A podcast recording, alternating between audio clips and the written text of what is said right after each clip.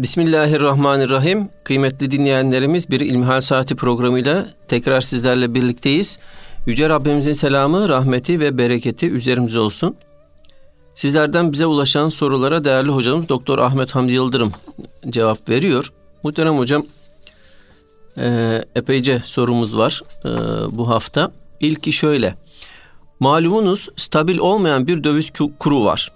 Bu süreçte gerek zincir marketler gerek diğer şirketler ellerinde olan ve daha eski maliyetli olan raflarındaki ürünlere dövizin artışı ile yeni fiyatlar uyguluyor.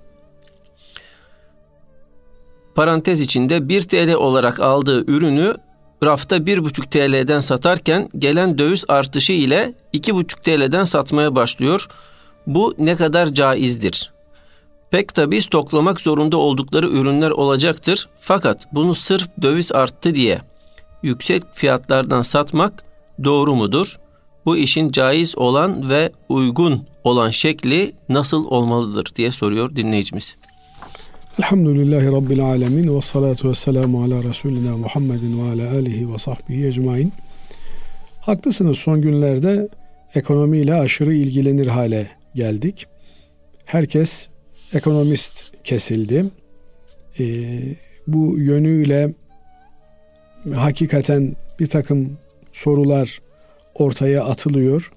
Bizi ilgilendiren kısım e, biz Allah'ın kulları olarak Allah'ın bizden murad etmiş olduğu eylemleri ortaya koymak durumundayız. Allah bizim ne yapmamızı ister? Bugün yaşadığımız toplumda Müslüman bir e, kişi olarak, bir tüketici olarak, bir üretici olarak, bir satıcı olarak, bir market sahibi olarak vesaire vesaire bu misalleri çoğaltabilirsiniz. Öncelikle şunu ifade edelim ki dinimizin temel ilkesi la darara ve la dırar. Kimseye zarar vermeyeceksin. Kimsenin zararını da sineye çekmeyeceksin. Yani bir yönüyle zararsızlık ilkesi hakim olacak. Kimse kimseye zarar vermeyecek. Kimsenin zararı sineye çekilmeyecek. Fakat zarara da zarar ile mukabele edilmeyecek. Yani ortada bir kötü durum var. Bir kötü durum var diye bu kötü durumu bir başka kötü durum haline çevirmemek lazım. Bu noktada konuyu biraz daha açmamız gerekirse yani e, asıl olan paranın zati değeri olan bir emtia üzerinden oluşmasıdır. Yani altın, gümüş gibi kendinden değeri olan efendim kainatta belli bir oranda, belli bir miktarda var olan şeyler üzerinden cereyan etmesidir. Sonra altına endeksli kağıt parayı çıkarttılar. Bir müddet sonra dünyada siyaseten efendim askeri olarak güçlü olan bir takım ülkeler e, kendi paralarını uluslararası rezerv para haline getirdiler. Yani bir nevi kendi kağıtlarını eskinin altını hükmüne koymuş oldular. Böylelikle bütün dünyaya ekonomi üzerinden nizam vermeye, yönetmeye kalktılar. Hala da bu hegemonya devam etmekte. Efendim eğer siz bir şeye muhtaçsanız ve o şey de bir başkasının elinde ise o zaman onun manipülasyonlarına, onun istediği gibi sizinle oynamasına göz yummak durumundasınız. Eğer göz yummazsanız o zaman haklı olarak tırnak içerisinde kendi efendim despotik düşüncesi açısından haklı olarak sizi yok etmeye çalışacaktır. Bugün Türkiye olarak veya üçüncü dünya ülkeleri olarak yaşadılan hakikat budur. Eğer uluslararası emperyalist güçlerin dümen suyuna gitmezseniz o zaman bunun bedelini ödersiniz. He mamafi her iki şekilde de bedel ödenir. Yani eskiden e, büyük devletler işte Osmanlı Devleti e, cizye alırmış. Himaye ettiği ülkelerden efendim bir cizye adı altında vergi alırmış. Bu bugün adına cizye demeden fakat ekonomik efendim bir takım işlemlerle gelişmekte olan uluslardan e, dünyadaki emperyalist güçler kendi sömürge alanındaki ülkelerden bu vergiyi alırlar. Efendim Afrika'da şu kadar ülke vardır. Yarısından bir ülke, öbür yarısından bir başka ülke menfaatlenir. Bunlar zaman içerisinde büyük güçlerin çekişme e, alanlarına, sahalarına dönerler. Böyle bir dünyada, böyle bir realitede bulunuyoruz. Fakat bu e, makro noktayı bir kenara bırakacak olursak salt olarak sorunuza dönecek ve e, satın aldığım malı satın aldığım fiyat üzerinden mi satmalıyım meselesine dönecek olursak burada bir durup düşünmemiz gerekiyor. Şöyle ki ticarette maliyet nasıl hesap edilir?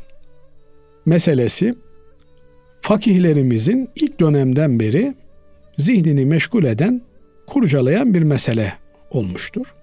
Maliyete nelerin girdirileceği, nelerin girdirilmeyeceği meselesini detaylı bir şekilde incelemişlerdir. Bugün de hemen hemen o bilgilere paralel bir maliyet hesaplaması söz konusudur. Dolayısıyla eğer bir bardak satıyorsanız bu bardağın bir alış fiyatı vardır.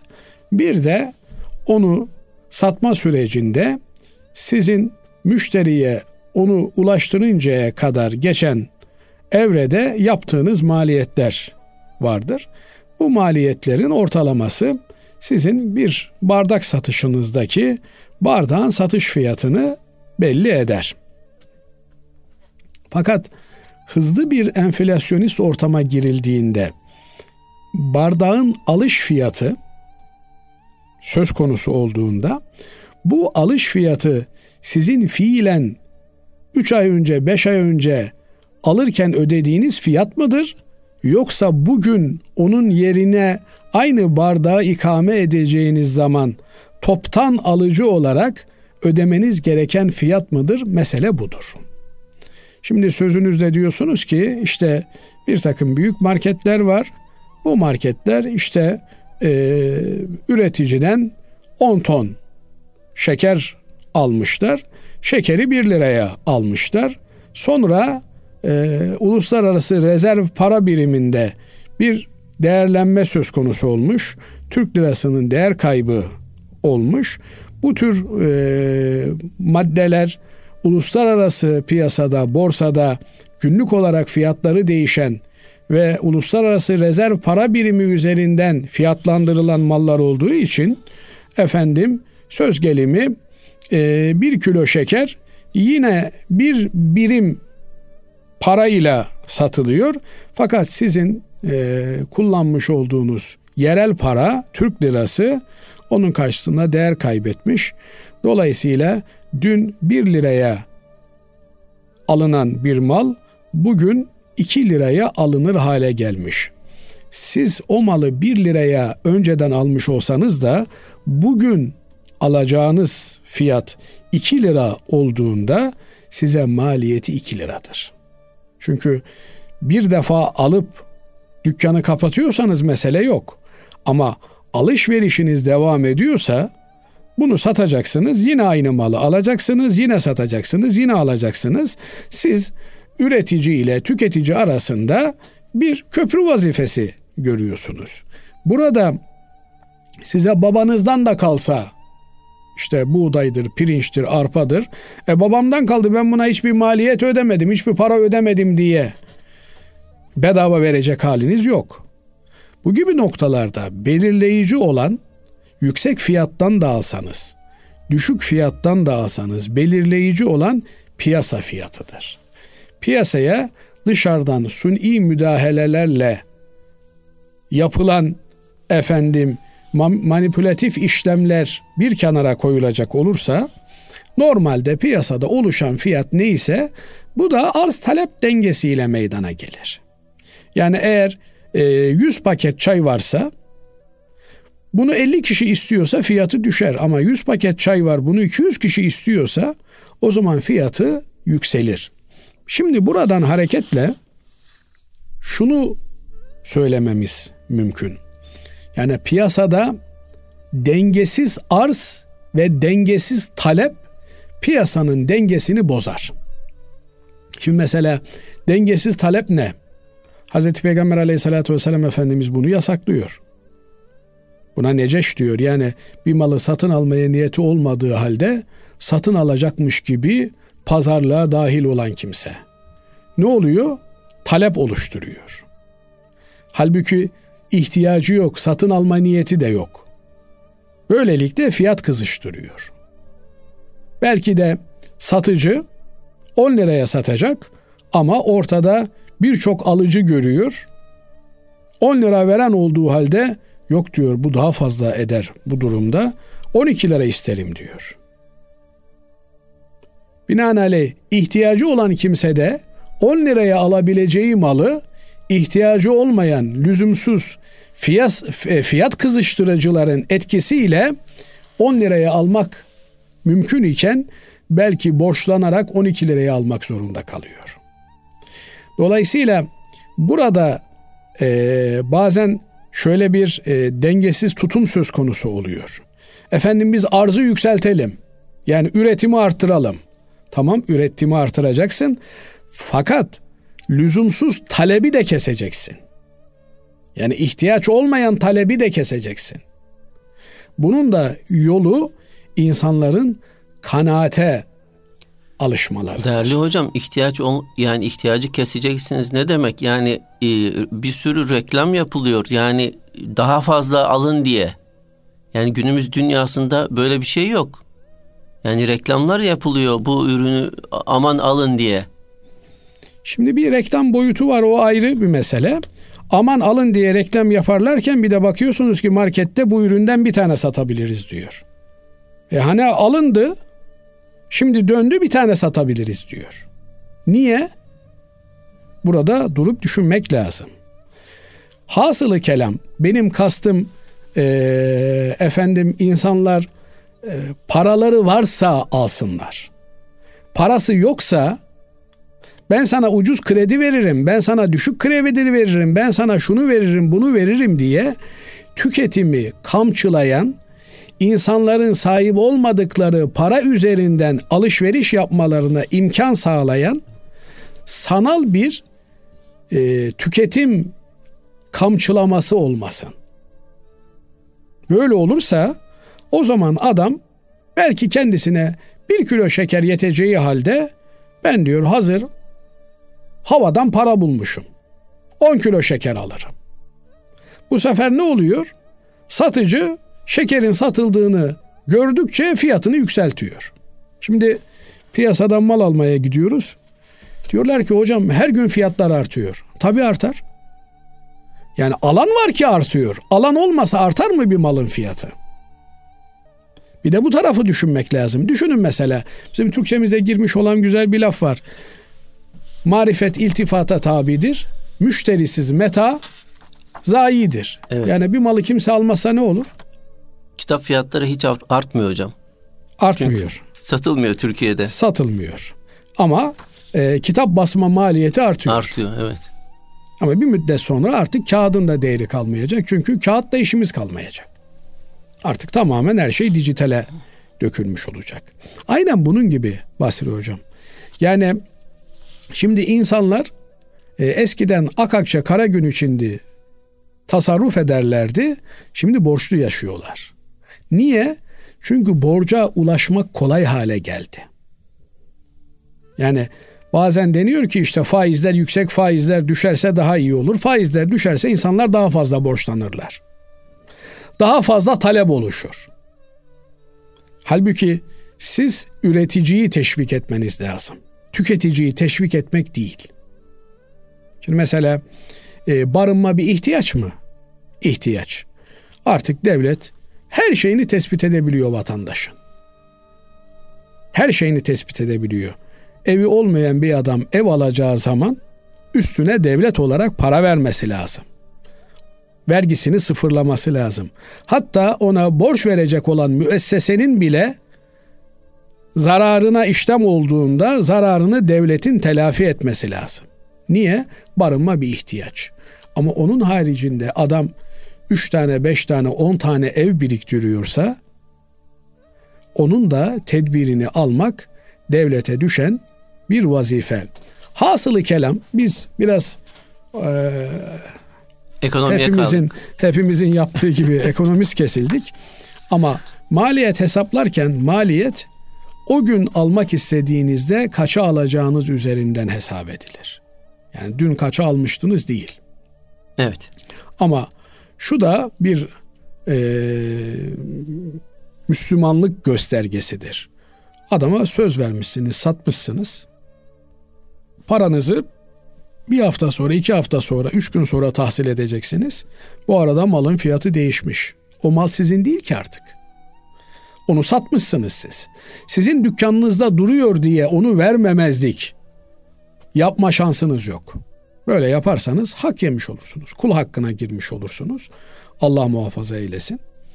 Bu e, asla Müslümanca bir davranış olmaz. Ama malı satmamışsın. O gün fiyatlar değişmiş.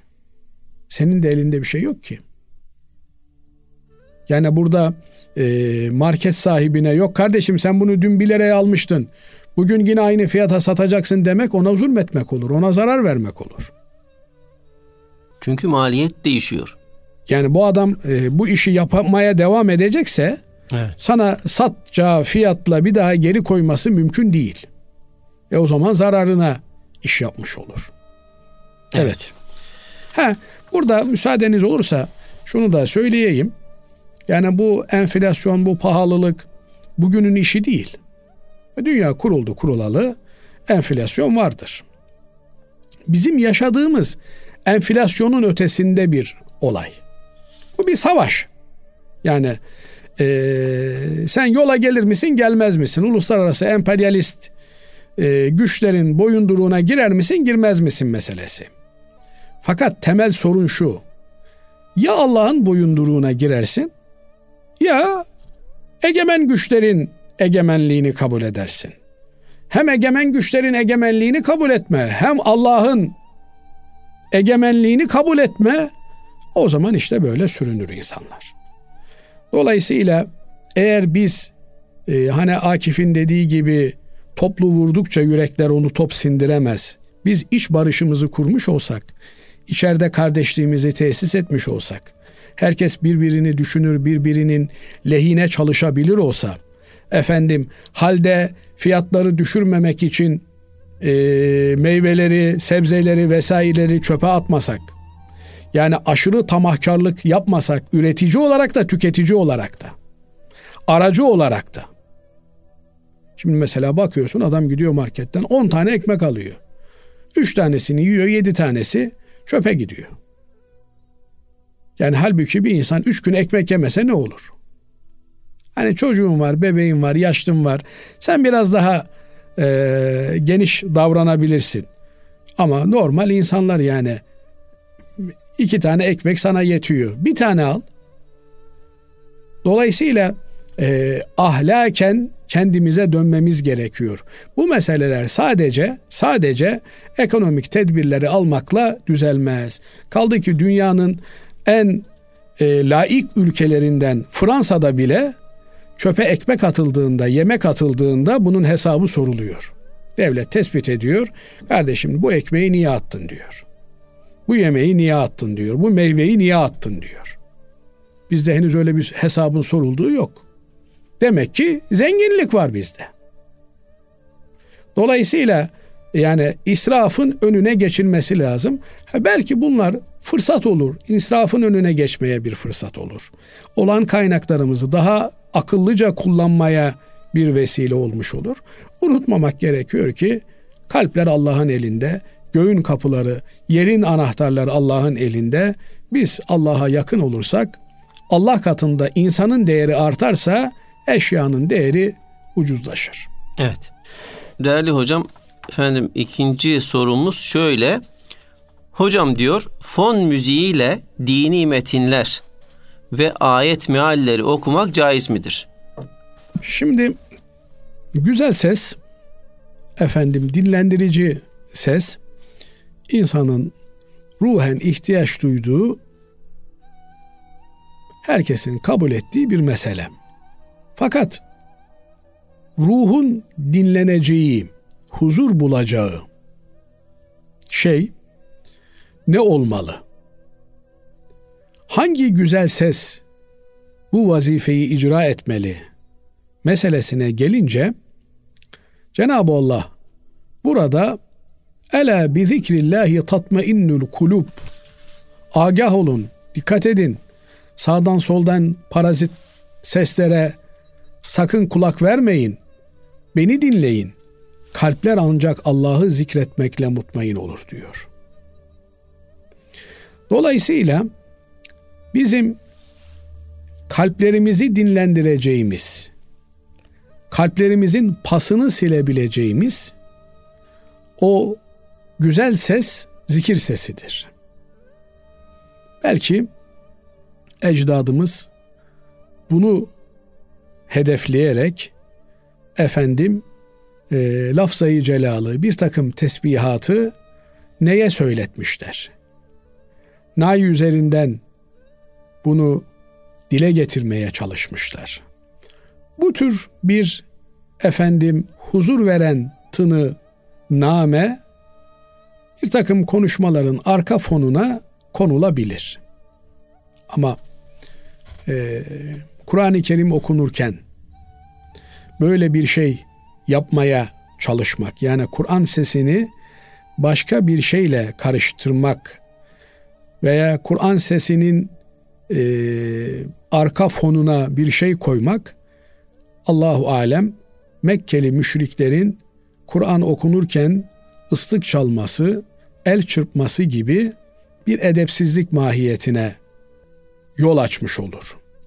Dolayısıyla Kur'an Kur'an gibi tecridül Kur'an diye eskilerin bir ifadesi vardır. Yani Kur'an'ı yalın olarak okumak, yalın olarak yazmak. Hatta Kur'an'ı yazarken tezhip yapmayı, süslemeyi vesaireyi bile bundan dolayı yasaklamışlar. Yani zevki Kur'an'dan almak, Kur'an'ın lafzından almak, Kur'an'ın ruhundan almak. Efendim insanın bir göz zevki var. Bu zevk göz zevkini Kur'an kelimeleriyle insanın doyurması lazım. Başka şeylere gidilmesini bile hoş görmemişler.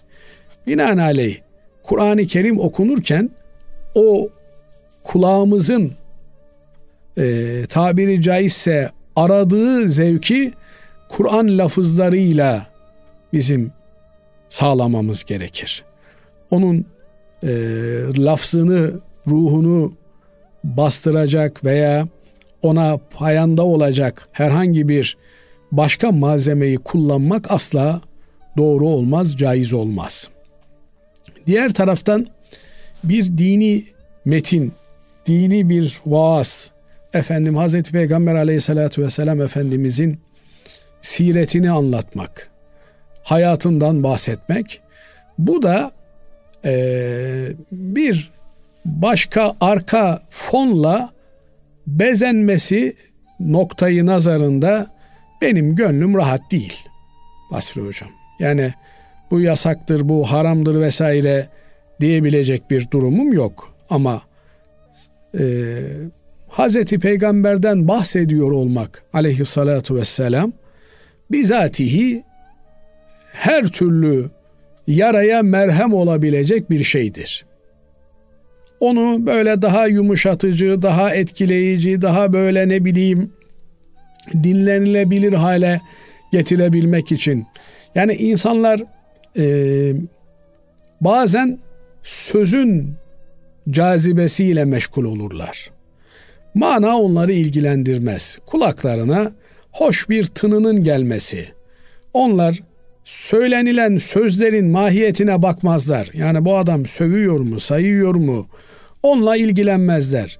Sözün güzelliği, sözün ilkasının efendim, e, söyleyenin performansının, e, ses edasının ilgisinde ve dikkatindedirler. Bu manayı kaçırmaya yönelik şey olarak karşımıza çıkıyor. Oysa e, insan ruhunu dinlendirmek için Kur'an dinlemeli, Kur'an okumalı. Hazreti Peygamber aleyhissalatü vesselam Efendimiz Kur'an kendisine indiği halde Kur'an'ı sahabilerinden dinlemiş. Okuyun ben dinleyeyim demiş. Ya Resulallah demişler ya Kur'an sana iniyor olsun demiş. Ben Kur'an-ı Kerim'i başkasından dinlemeyi seviyorum demiş. Eskiden ben gençlik yıllarımı hatırlarım Basri Hocam. Memleketimizin bir takım camilerinde meşhur hafızlarımız vardı. Özel onları dinlemeye giderdik. Onlar mihrabiye okurlardı. Efendim İsmail Hoca vardı, Abdurrahman Gürses hocamız vardı. Beyazıt Camii'nde mihrabiye okurlardı. Özel onları dinlemeye giderdik. Şimdi böyle bir hız ve haz çağındayız. Her şeyi mix ederek, birbirine karıştırarak bir takım şeyler yapıyoruz. Ee, bu haz ve hız bize hayır getirmeyecek. Dolayısıyla her şeyi yerli yerinde yapmaya çalışmak lazım. Efendim bir sohbet dinlenecekse o sohbeti sohbet gibi dinlemek lazım. Arkaya evet. bir şeyler koyup da onu yumuşatmaya efendim e, gönülden kulağa çekmeye çalışmamak lazım. Evet hocam. Allah Ama razı olsun. Ama bir şiir dinletisidir vesairedir filan ve arka fon kullanırsınız. Ama eğer gönle hitap ediyorsanız, manaya hitap ediyorsanız o zaman o manayı güçlü bir şekilde vermek lazım. Onun için bizim sohbetlerimizde önce bir Kur'an-ı Kerim tilaveti düzgün olan bir kardeşimiz tarafından okunur. O kulaklardaki pası siler, gönülleri kıvama hazırlar, alıcı olma noktasında e, canlandırır. Ondan sonra hoca efendi birkaç kelam eder. Sohbeti de aman aman efendim bir saat iki saat uzatmak maksat değil. Maksat orada ses çıkarmadan bile birbirine dokunabilmek, birbirinin soluğunu hissedebilmek. Nasıl şimdi e, maske, mesafe, hijyen diyoruz, birbirimizden uzaklaşmaya çalışıyorsak, manen birbirimize yakın olmamız, maddeten de yakın olmamıza bağlı. Yani evet. birbirimizin soluğunu ensesimizde hissettiğimiz kadar bir ve bütün oluruz. Evet bunun da e, yolu fon müziğinden geçmiyor. Kalp ritminden geçiyor. Evet. Evet hocam Allah razı olsun. Kıymetli dinleyenlerimiz kısa bir araya gidiyoruz. İnşallah aradan sonra kaldığımız yerden devam edeceğiz. Kıymetli dinleyenlerimiz İlmihal Saati programımıza kaldığımız yerden devam ediyoruz. Muhterem hocam dinleyicimiz şöyle bize yazıyor. Belediyeden bir arsa hissesi aldık. Borcu daha bitmedi. 3 ay kaldı. Buraya da ileride konut yapılacak. Ben de bana düşen daireleri satmayı veya kiraya vermeyi düşünüyorum inşallah. Bunun zekatı nasıl hesaplanır? Bir de galeride borcu olmayan 8-9 arası 8 ila 9 arası aracımız var. Yani 8 mi 9 mu tam belli değil. Bunun da zekatını sormak istiyorum diyor. Evet. Şimdi öncelikle bu kardeşimize ve bu kardeşimiz üzerinden diğer kardeşlerimize, dinleyenlerimize şunu hatırlatmak isterim. Nasıl dünyada devletle karşı karşıya gelmemek için ticaretimizin, kazancımızın vergisini bir hakkını ödeyebilmek adına mali müşavirlerle, muhasebecilerle çalışıyoruz. Ahirette de sorumluluğumuzu paylaşmak adına bir yönüyle de ahirete yönelik olan efendim hesabımızı kolay kılmak adına muhakkak bu yönüyle zekat muhasebecileri bulundurmalı, onlara danışmalı, onlarla istişare etmeliyiz. Niye? Efendim bu tür genel programlar üzerinden söyleyeceğimiz ana meseleler vardır.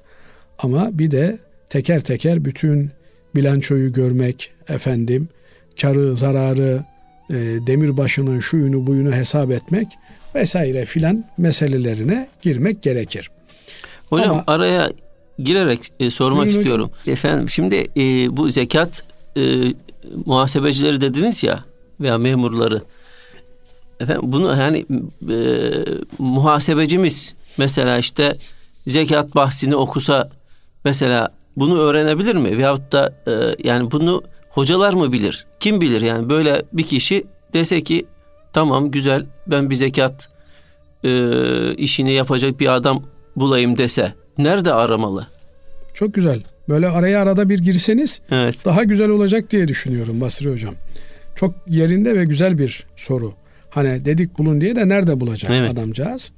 Öncelikle şunu ifade etmemiz gerekiyor ki ülkemizde iktisat fakülteleri var ama maalesef bu iktisat fakültelerinde İslam iktisadı bölümleri yok. Acilen İslam iktisadı bölümlerinin kurulması gerekiyor. İslam iktisadı bölümlerinde de efendim e, zekat muhasebeciliği branşlarının oluşması gerekiyor. Yani artık her şeyin branşlaştığı bir dünyada e, yaşıyoruz.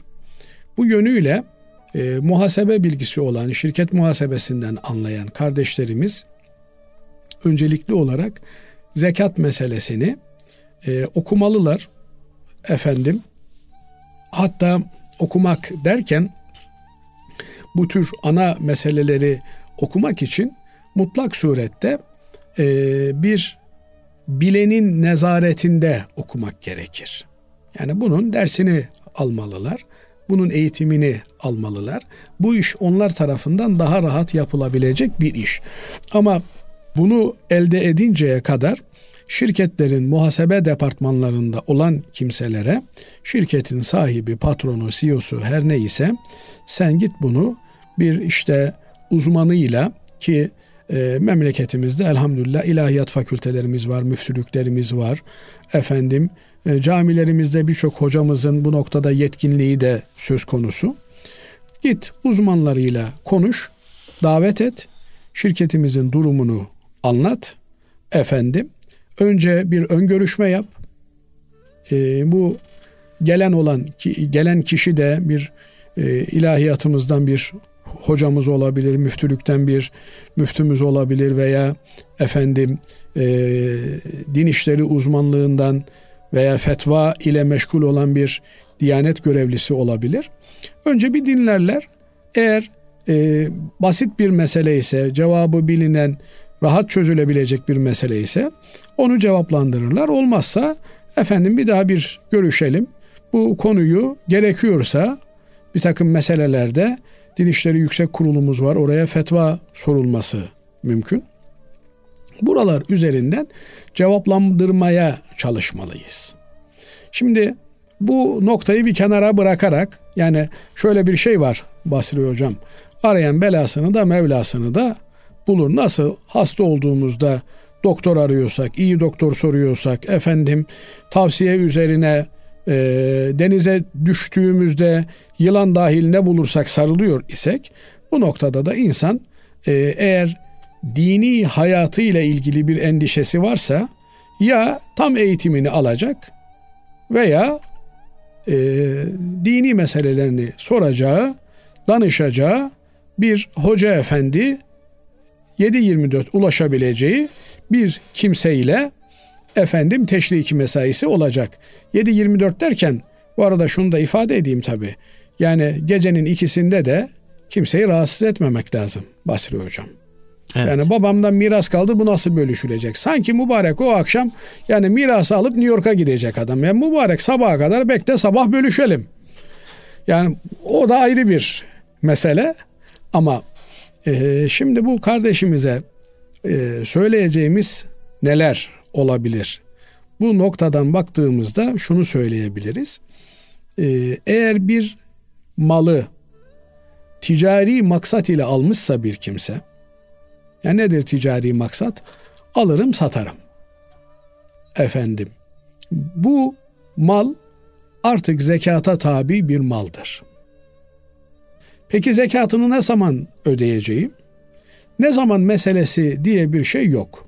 Her Müslümanın eğer zekat mükellefi ise yani zekat veren bir Müslümansa, şartlarını taşıyorsa ve zekat vermiş biri ise bir zekat günü vardır. Yani zekat hesabını yaptığı, zenginliğe ulaştığı bir gün vardır. Söz gelimi e, bir Ramazan. Genelde halkımız, milletimiz Ramazan ayında her şey sevap katlanarak arttığı için zekatını da Ramazan ayında vermeyi tercih ediyor. Sanki fakir fukara Ramazan'ın dışında bir şey yemiyormuş gibi. Evet, Ramazan ayında cömertlik yapmak lazım. Ekstra cömertlik yapmak lazım. Ama zekat borcun kardeşim. Yani Ahmet'ten 10 lira almışsın. Yani şimdi ben borcumu Ramazan ayında ödersem daha sevaplıdır diye. Ramazan ayını bekleyip de adamın borcunu ödemeyi geciktirmenin makul bir izahı yok. Allah sana ne zaman lütfetmişse zenginliği. Bu işte iki cemaziyel evvelde de olabilir. İşte bugün zengin olmuşsun. Tarih neye geliyorsa bugün kaç cemaziyel evvelse o zaman dersin ki ben beş cemaziyel evvelde efendim zengin oldum. Bir sene sonra beş cemaziyel evvel geldiğinde sabah namazı kıldıktan sonra oturur muhasebecinle efendim hoca efendiyle beraber zekat hesabını yaparsın. O gün kasanda ne varsa, elinde ne varsa, alacağın neyse, borcun neyse onun mahsuplaşmasını yaparsın. Bunun anlamı şu, bir gün öncesinden servetine bir milyon dolar katılsa, ertesi gün onun zekatı vardır. Bir gün önce meşru bir gerekçe ile servetinden bir milyon dolar çıksa, onun zekatı yoktur. Dolayısıyla o gün ne varsa Şimdi buna göre bu kardeşimiz efendim e, bir yerden bir arsa almış. Bu arsayı niye almış? Ben yarın öbür gün burada ev yaparım diye almış. Ticari olarak düşünmüş. Bu evi de satarım diye hesap etmiş. O aldığı günden itibaren ticari bir niyetle alındığı için zekata tabidir. Peki zekatını nasıl verecek? İşte yine baştaki konuya dönmüş olduk.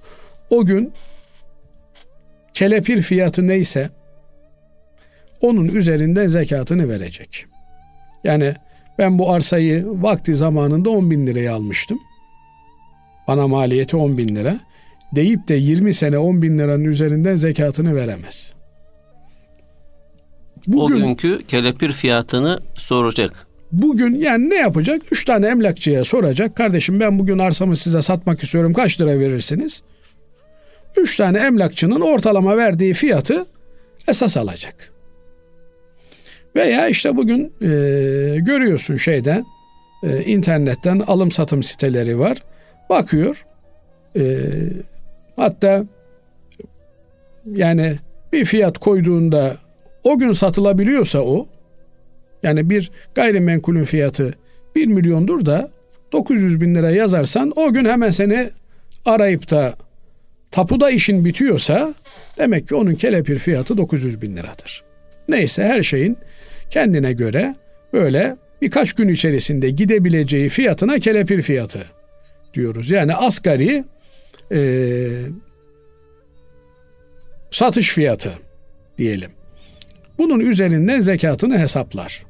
10 bin liraya almış olabilir ama bugün orası değerlenmiştir. 1 milyon ediyordur. 1 milyon üzerinden zekatını hesaplar. Ama kardeşim benim bu gayrimenkulüm değerli ama e, satamıyorum. İstediğim fiyatı bulamıyorum. Ne yapayım? O zaman hissesini ayırırsın. Yani 100 metrekare bir arsam mı var? Her sene 40'ta birini fakir fukaranın hissesi diye ayırırsın. Satıma sıra geldiğinde bakmışsın ki yüzde otuzu fakirin. Sattın 100 liraya.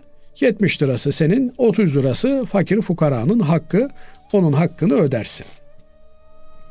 Dolayısıyla her sene yani işte bu sene e, ruhsatları alındı. O da bir katma değer oluşturdu. Ertesi sene işte e, söyle adını su basmanı çıkıldı, temelleri atıldı. O bir katma değer oluşturdu. O gün satsan kaça satarsın o haliyle? Onun üzerinden zekatını vermek durumundasın. E araban var. Yani bu arabalar seninse ve bunları e, dükkana getirmiş satıyorsan o zaman onun işte sen 100 bin lira istiyorsun da 70 bin liraya versen hemen peynir ekmek gibi gidecekse 70 bin lira üzerinden zekatını vermekle mükellefsin. Zekatını vereceksin. Evet. Evet. Evet hocam diğer bir sorumuz şöyle istinca için tuvalette işe yaramayan küçük bez parçaları kullanmak caiz midir? Şimdi istinca küçük abdestte istibra kelimesini, büyük abdestte de istinca kelimesini kullanıyoruz. Yani her ikisinde de e, pisliğin çıktığı mahalli temizlemek ve e, istibrada musluğun kapanması sızıntıyı önlemek anlamına geliyor. Erkeklerde özellikle de belli bir yaştan sonra e, bu tür sıkıntılar olabiliyor. Bazen de işte idrar yollarında iltihaplanma varsa, bir soğuk algınlığı vesaire filan olursa söz konusu oluyor. Bu gibi durumlarda herkes kendini biliyor. E, gerekli olan tedbiri almak gerekiyor. Bunun da e, yolu efendim hemen e, ihtiyacımızı görür görür kal, görür görmez kalkıp abdest almamaktan geçiyor. Yani bir müddet oyalanmak, vesveseye de mahal vermeyecek şekilde bir müddet oyalanmak gerekiyor. Ee, istincada eskiden e, hela dediğimiz hela açık alan demek. Yani insanlar e, eskiden evlerin içerisinde tuvaletler yoktu. Açık alana çıkıyorlardı. Açık alanda ihtiyaçlarını gideriyorlardı. Buralarda genelde efendim e, özel kaygan güneşte yanmış taşları kullanıyorlardı. Bizim bugün tuvalet kağıdı olarak kullandığımız şeylerin yerine. Ama her taş bu vazifeyi görmez. Efendim bunlar çölde yanmış e, kesiciliği, yırtıcılığı olmayan bir nevi antiseptik özelliği güneş vurmasıyla beraber mikrop kırıcı özelliği oluşmuş taşlar ve bunları o gün bugün bizim tuvalet kağıdını kullandığımız gibi kullanıyorlar.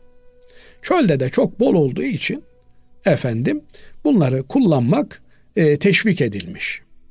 Fakat burada bir e, ayrıntıyı kaçırmamak gerekiyor.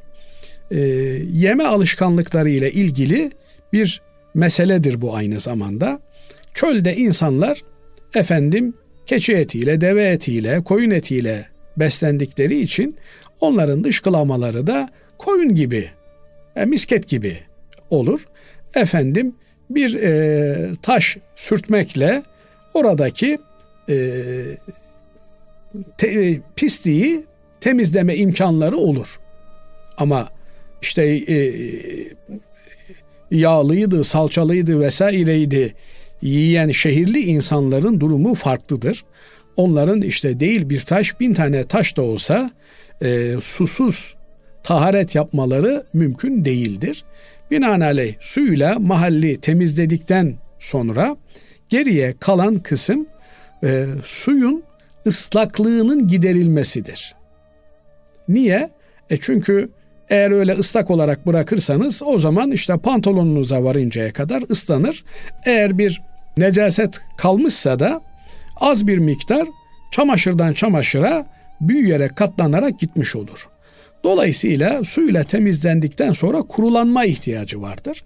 Bugün de bu kurulanma ihtiyacını en güzel karşılayacak olan şey hatta eğer taş kullanmak sünnetse ki sünnette var Efendimiz Aleyhisselatü Vesselam e, tek sayı kullanın diyor. Yani bir taş veya üç taş kullanın diyor. Demek ki bir peçete veya üç peçete kurulanmak sünnet şekliyle karşımıza çıkıyor. Ee, bunu yaparken de Efendimiz Aleyhisselatü Vesselam e, taşla istinca yapın tabiri caizse kurulanın diyor ama taşın o günkü şartlar içerisinde e, makul bir karşılığının olduğunu görüyoruz. Bugün mesela al evine götür taşı veya camiye taş götür bu cinayet olmuş olur. Yani böyle bir mantık olmaz. Bu e, aksine bir katliama neden olur. Niye? İşte o gün sahrada olan taş mikrop kırıcı özelliği varken bugün içeriye taşınacak olan taş hele de bu amaçla kullanılacak taş efendim mikrop yuvası haline gelir hastalık bulaştırır. Ama buradan anlıyoruz ki burada kurulayıcı bir nesne. Bunun da ekonomik değerinin insanların efendim gözüne gelmeyecek bir şey olması gerekiyor. O da işte bir selpak veya işte ne bileyim bir e, tuvalet kağıdı parçası bu anlamda kullanılabilecek bir şey. Ha e, bir takım bez, temiz bez artıkları var. Bunlar işte çöpe gidecekler. E, bunlar da kullanılabilir mi? Tek seferlik kullanılabilir. Tek seferlik kullanılabilir. Çöp torbasına konulup ondan sonra e, imha edilebilir. Yani kırsal bölgelerde belki tuvalet kağıdına ulaşmak e, zor olabilir. E, tuvalet kağıdı veya taş veya başka bir şey bunlar e, bizatihi kendisi murad olan şeyler değildir. Yani mesela affedersiniz bir yerde ormanlık bir alandasınız yaprak kullanırsınız. Yani e, illa şunu bunu kullanacaksınız değil ama e, ekonomik değeri olan bir şey e, zengin de olsanız yani işte özel ipek kestirmiş adam bu amaçla kullanmak için bu da doğru bir şey değil. Yani e, insan malını mülkünü de e, israf etmemeli. Evet. Evet hocam. E... Ha bu arada unutmadan yani e, hijyen kurallarına dikkat ederek adam iyi temizlendikten sonra işte efendim bir el havlusunu kullanıyor. 2-3 günde bir yıkıyor, temizliyor kendi şartlarında. Onda da bir beis yok. Onda da bir sakınca yok. Evet. Evet. Ee, yedi göbek e, ceddimizi e, geçmişlerimizi bilmek şart mıdır diye soruyor efendim. Efendim insanın aslını faslını bilmesi gerekir tabi. Ee, annesini, babasını, dedesini, atasını bilmesi gerekir. Ama özellikle hayatta olanlarını bilmesi gerekir. Yani gitmesi, sorması, elini öpmesi, ihtiyacını görmesi, maddi manevi destekçi olması gerekir. Ama ölmüş olanların isimlerini bilmek, efendim soy kütüğünü bilmek, işte Adem Aleyhisselam'a kadar şeceresini ezberlemek, bunlar e, çok da önemli olan şeyler değil. Olsa da olur, olmasa da olur. Eğer bir hak hukuk taalluk ediyorsa o zaman tamam bilinmesi gerekiyor. Şöyle ki 8 kuşak yukarıdan bir miras kalmış. E, bu mirasın hak sahipleri kimler diye e, soy kütüğünü bilmesi gerekir tabii. Yani onun için bilir kişi uzmanlık gerekir. Onun için araştırma yapmak gerekir. Mahkemeler bunun için var. Soy kütüklerine bakarlar, şuraya bakarlar, buraya bakarlar. Kim o sekiz kuşak yukarıdaki mirasçı, miras bırakanın varisleri onları tespit ederler. Ama e, övünmek kastıyla, maksadıyla böyle bir şey düşünülüyorsa bu yanlış olur. Hatta yasak olmuş olur. Nitekim Elhâkumut Tekâsur suresi Hatta zurtumul makabir. İşte bizim kabilemiz şu kadar sayıda, bu kadar böyle. Hatta e, hayatta olanlar yetmemiş. İşte bizim mezarlıklarımızda şu kadar yatanımız var diye eskileriyle de soy kütükleriyle de övünmeye başlamışlar. Bunlar cahiliye işleri. Ee, ancak insanın manevi olarak e, atalarına dua etmesi, üst soyuna dua etmesi gerekir. Onun için e, evlat olarak öncelikli olarak kendi annemiz babamız Sonra onların anneleri babaları, onların anneleri babaları Adem Aleyhisselam'a kadar biz atalarımız için de istiğfar ederiz. E, hocam belki Müslüman değillerdi. Yani mesela biz işte Türkler 10. yüzyılda Müslümanlığı kabul ettik. O, o durumda ne olacak yani? Bu durumda e, senin istiğfarının hiçbir faydası olmaz. Hatta peygamber bile istiğfar etse yani bizim için bir şeyi yani bizim için bir noksan olmuş olmaz mı? Yani e, Müslüman olmayan birisi için e, istiğfar etmemiz bizim için bir noksan olmuş olmaz mı? Ben bildiğim kadarıyla e, kendimi söyleyecek olursam Basri Hocam sizinkini bilemeyeceğim. Ee, ama ben bildiğim kadarıyla yukarıda gayrimüslim biri yok. Dolayısıyla ben bildiğim kadarıyla Allah'ım analarımıza, babalarımıza, dedelerimize, atalarımıza mağfiret eyle.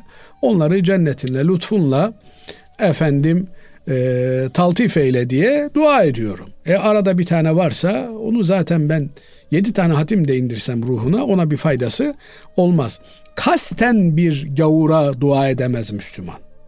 Yani bir adam düşünün Kur'an'ı yasaklamış, Kur'an'ı yakmış, yıkmış, atmış. Kalkıyorsun, dua ediyorsun. Nedir? İşte atamdır, babamdır, dedemdir diye. Yasak olan bu. Haram olan bu. Adamı Allah muhafaza etsin. Gavur edecek olan bu. Hatta İbrahim Aleyhisselam bile olsa Evet. Ne diyor Cenab-ı Allah? Atana dua edemezsin. Niye? Atan imansız gitmiş. Yani. Ama İbrahim Aleyhisselam'ın özel bir e, durumu var. Söz vermiş bulundu. O sözünü yerine getirmek için bir e, müsamaha söz konusu. Onun haricinde yani kalkacaksın da sen gavur olduğu tescilli olan birine dua edeceksin. Allah muhafaza etsin. Bu imkansızı talep etmek demektir ki böyle bir durum adamı imkansızlığa götürür. Mamafi bir insan yedi soyunu bilmekle mükellef değil ama hayatta olan akrabalarına iyilik yapmakla mükellef. Onlara maddi manevi destek olmakla mükellef. Özellikle de bu noktayı kaçırmamak lazım. Adam anasına babasına saygısı yok. 70 e, kuşak yukarısını. Şimdi hocam e, son sorumuz bununla ilgili. E, onu da e, kısaca Uzatma sizden, diyorsun. Buyurun hocam. E, rica edelim. Diyor ki dedesi 2. Dünya Savaşı yıllarında nenesinin ve nenesini ve annesini bırakmış. Sonra ikinci kadınla evlenmiş. O kadından doğan nesil ile akrabalık münasebetlerinden sorumlu muyum? Dedem anneme bakmadı. Merhume annem de onun hakkında e, herhangi bir şey sormamı yasaklıyordu diyor. Evet akrabalık akrabalıktır. E, dolayısıyla eğer dede onun dedesi ise o dedenin çocukları da torunları da bir şekilde akrabalarını oluşturuyor demektir. Binaenaleyh onlarla akrabalık ilişkisini sürdürmesi vazifesidir. Bir insanın akrabalarının çok olması güzel bir şeydir. Efendim arada o ona kızmış, bu buna bağırmış diye, o onun hakkını gözetmemiş, o onun hakkına girmiş diye akrabalık bağlarını koparmak doğru değildir. Hatta e, biliyorsunuz tarihte Hz. Ebu Bekir Efendimizin yaşadığı bir hadise vardır. Hz. Ebu Bekir Efendimiz akrabalarından birine yardım eden bir kimsedir.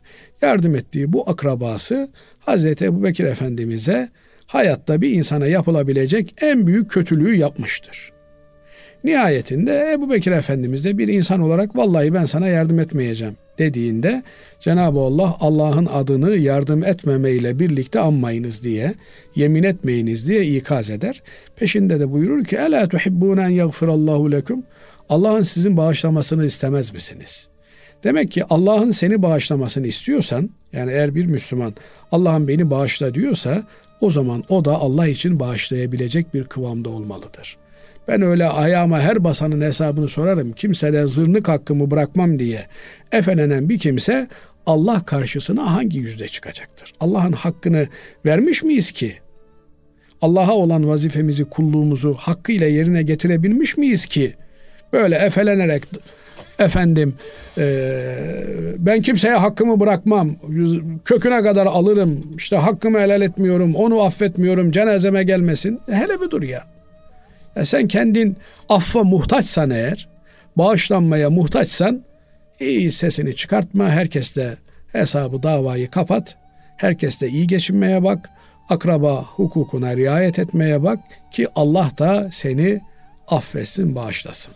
Hocam burada mesela e, soruda söylediği gibi yani bir kişi e, hanımını e, ve çocuğunu terk etmiş, başka birisiyle evlenmiş. Yani e, bu belli bir e, zaman sonra bunlar arasında bir talak meydana e, geliyor mu, gelmiyor mu? 10 yıl, 20 yıl, 30 yıl mesela. Aralarında meydana gelen şey bizi ilgilendirmez basit. Yok yani e, onlar kendi aralarında. Evlilik evlilik yani hukuku devam ediyor mu? Kadıncağız mahkemeye müracaat eder. Kendi işini kendi halleder. Yani kadın kocasından ayrılır da yani e, çocuğunu bırakmış. Değil mi? Öyle diyorsunuz. Evet. E çocuk babasından nasıl? Mahkemeye mi verecek? Babasını mı reddedecek? Yok öyle bir şey. Tamam adam bir günah işlemiş. Evet. Bir haram işlemiş. Ee, bir cehennemlik iş yapmış. E o cehenneme girecek diye peşinden biz de mi cehenneme gidelim? Dolayısıyla herkes kendine yakışanı, kendi fıtratına, kendi imanına uygun düşeni yapmalı. Babam bana hakkımı vermedi. Sen babana hakkını ver. Sen babana evlatlık vazifesini yap. O Allah'a kendi hesabını verecek. Yani evet. su misal misal olmaz. Biri yanlış yaptı diye biz de yanlış yaparsak o yanlış yaptı ben de yanlış yaptım. E iki yanlış birbirini götürdü olmaz. Dolayısıyla e, eğriye eğri doğruya doğru demek durumundayız. Kaldı ki annelerimize babalarımıza karşı bir alacak davası da güdemeyiz. Yapmıştır bir yanlış. Tövbe etmiştir, pişman olmuştur. Tövbe etmemişse biz tövbe etmesine yardımcı olmalıyız. Hasılı kelam biz bize düşen vazifeyi yapmakla memuruz. Allah razı olsun kıymetli hocam. Efendim e, bugünkü programın sonuna ermiş bulunuyoruz. Hepinizi Allah'a emanet ediyoruz. Hoşçakalın.